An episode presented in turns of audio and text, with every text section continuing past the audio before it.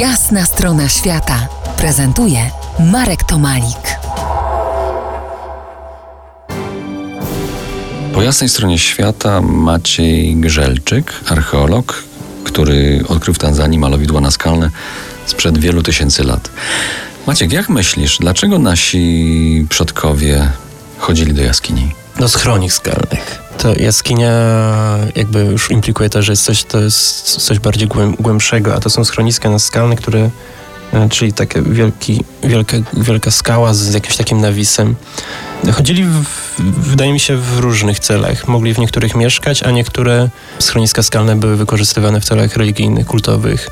Do tej pory sandałek, czyli ludność, których, której przodkowie tworzyli te malowidła, posiada właśnie schroniska skalne, które są przypisane konkretnym klanom i oni tam raz na jakiś czas się udają i w, na przykład wywołują deszcz.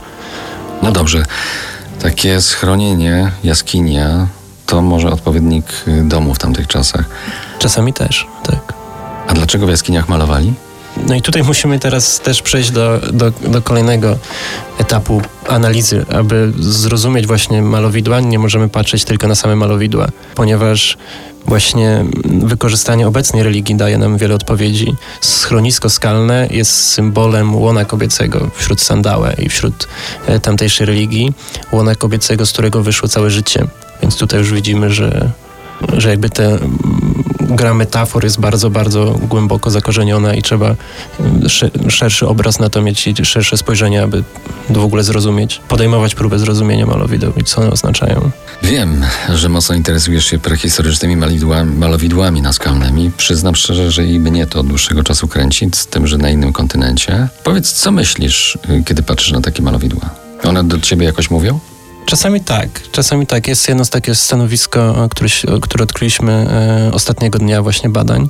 Ono się nazywa Amasse i to jest stanowisko, które rzeczywiście, jak weszliśmy do tego schroniska, od razu wiedzieliśmy, że coś tutaj się większego działo, że te postaci zdają się spadać gdzieś w otchłań. Jest tam ukazany bardzo silnie ruch tych postaci, więc mieliśmy wrażenie, że rzeczywiście mamy tu do czynienia z, z malowidłami, które stworzył naprawdę artysta e, o, o wysokich umiejętnościach. To tak my patrzymy. A powiedz, co mogli myśleć inni, także z naszego punktu widzenia prehistoryczni, którzy je tam te malowidła w jaskiniach zastali. Powiedzmy, przypuśćmy, dwa, trzy pokolenia e, wcześniej.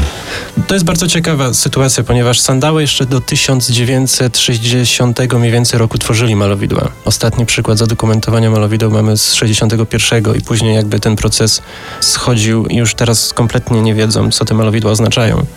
I właśnie to ja jestem jakby tą osobą, o którą oni pytają, co mogą znaczyć te malowidła. A dla nich to po prostu jest takie proste wytłumaczenie, że jeśli na malowidle jest żyrafa, to znaczy, że kiedyś tutaj było dużo, dużo żyraf. Za kilkanaście muzycznych chwil powrócimy do Galerii Naskalnych. Zostańcie z nami po jasnej stronie świata. To jest jasna strona świata w RMS Classic.